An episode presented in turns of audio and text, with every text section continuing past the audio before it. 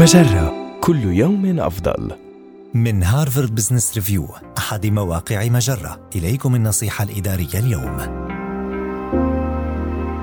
نصائح للعمل مع شخص يعتقد أنه دائماً على حق.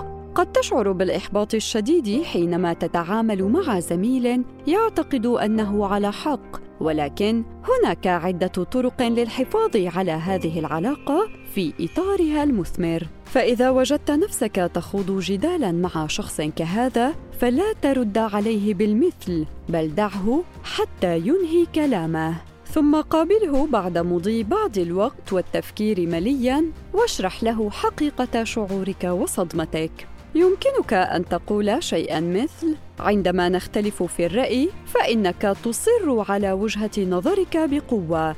حتى إنني لا أملك خيارا سوى التوقف نهائيا. قد يساعدني معرفة أن وجهة نظري تؤخذ بعين الاعتبار أيضا حتى إن لم تتفق معها. يجب على المدراء أيضا إعادة النظر في ثقافة الشركة ومدى إسهامها في تفاقم المشكلة. فإذا كانت ثقافة شركتك تشجع الروح التنافسية بصورة مبالغ فيها فمن الطبيعي أن يكون سلوك موظفيها على هذه الشاكلة. حاول تغذية التفاعل الجماعي للفريق من خلال مطالبة الجميع بالحضور إلى طاولة المناقشات بقائمة تضم إيجابيات وسلبيات الموضوع. وهكذا ستضمن عدم تمسك أي شخص بوجهة نظره.